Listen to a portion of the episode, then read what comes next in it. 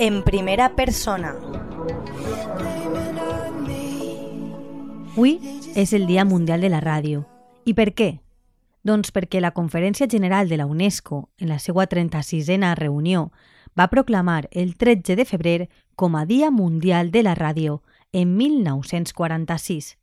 Avui per avui, la ràdio continua sent el mitjà de comunicació més dinàmic, reactiu i atractiu que existeix, al temps que va adaptant-se als canvis del segle XXI i ofereix noves formes d'interacció i participació. La teua ràdio és un bon exemple d'aquesta adaptació i evolució, barrejant el dinamisme i la comoditat de la ràdio, on l'oient ha de fer poc esforç per enterar-se del que succeeix al seu voltant, amb la immediatesa de les xarxes socials. Per això, a l'equip de la teua ràdio ens agrada dir que ens portes a la butxaca perquè, és cert, en l'era dels smartphones, poder escoltar i llegir notícies de proximitat d'aquesta manera tan còmoda és allò que ens diferencia, que ens fa únics i pioners.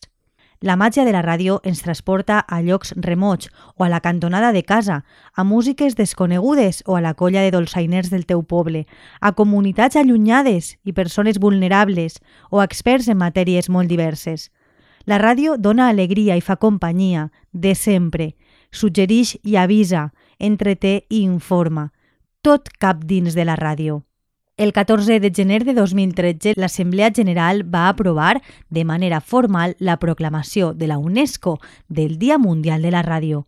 En la seva 67a reunió, l'Assemblea General de l'ONU va aprovar la resolució adoptada en la que es va proclamar el 13 de febrer com a Dia Mundial de la Ràdio. Celebreu-lo amb nosaltres.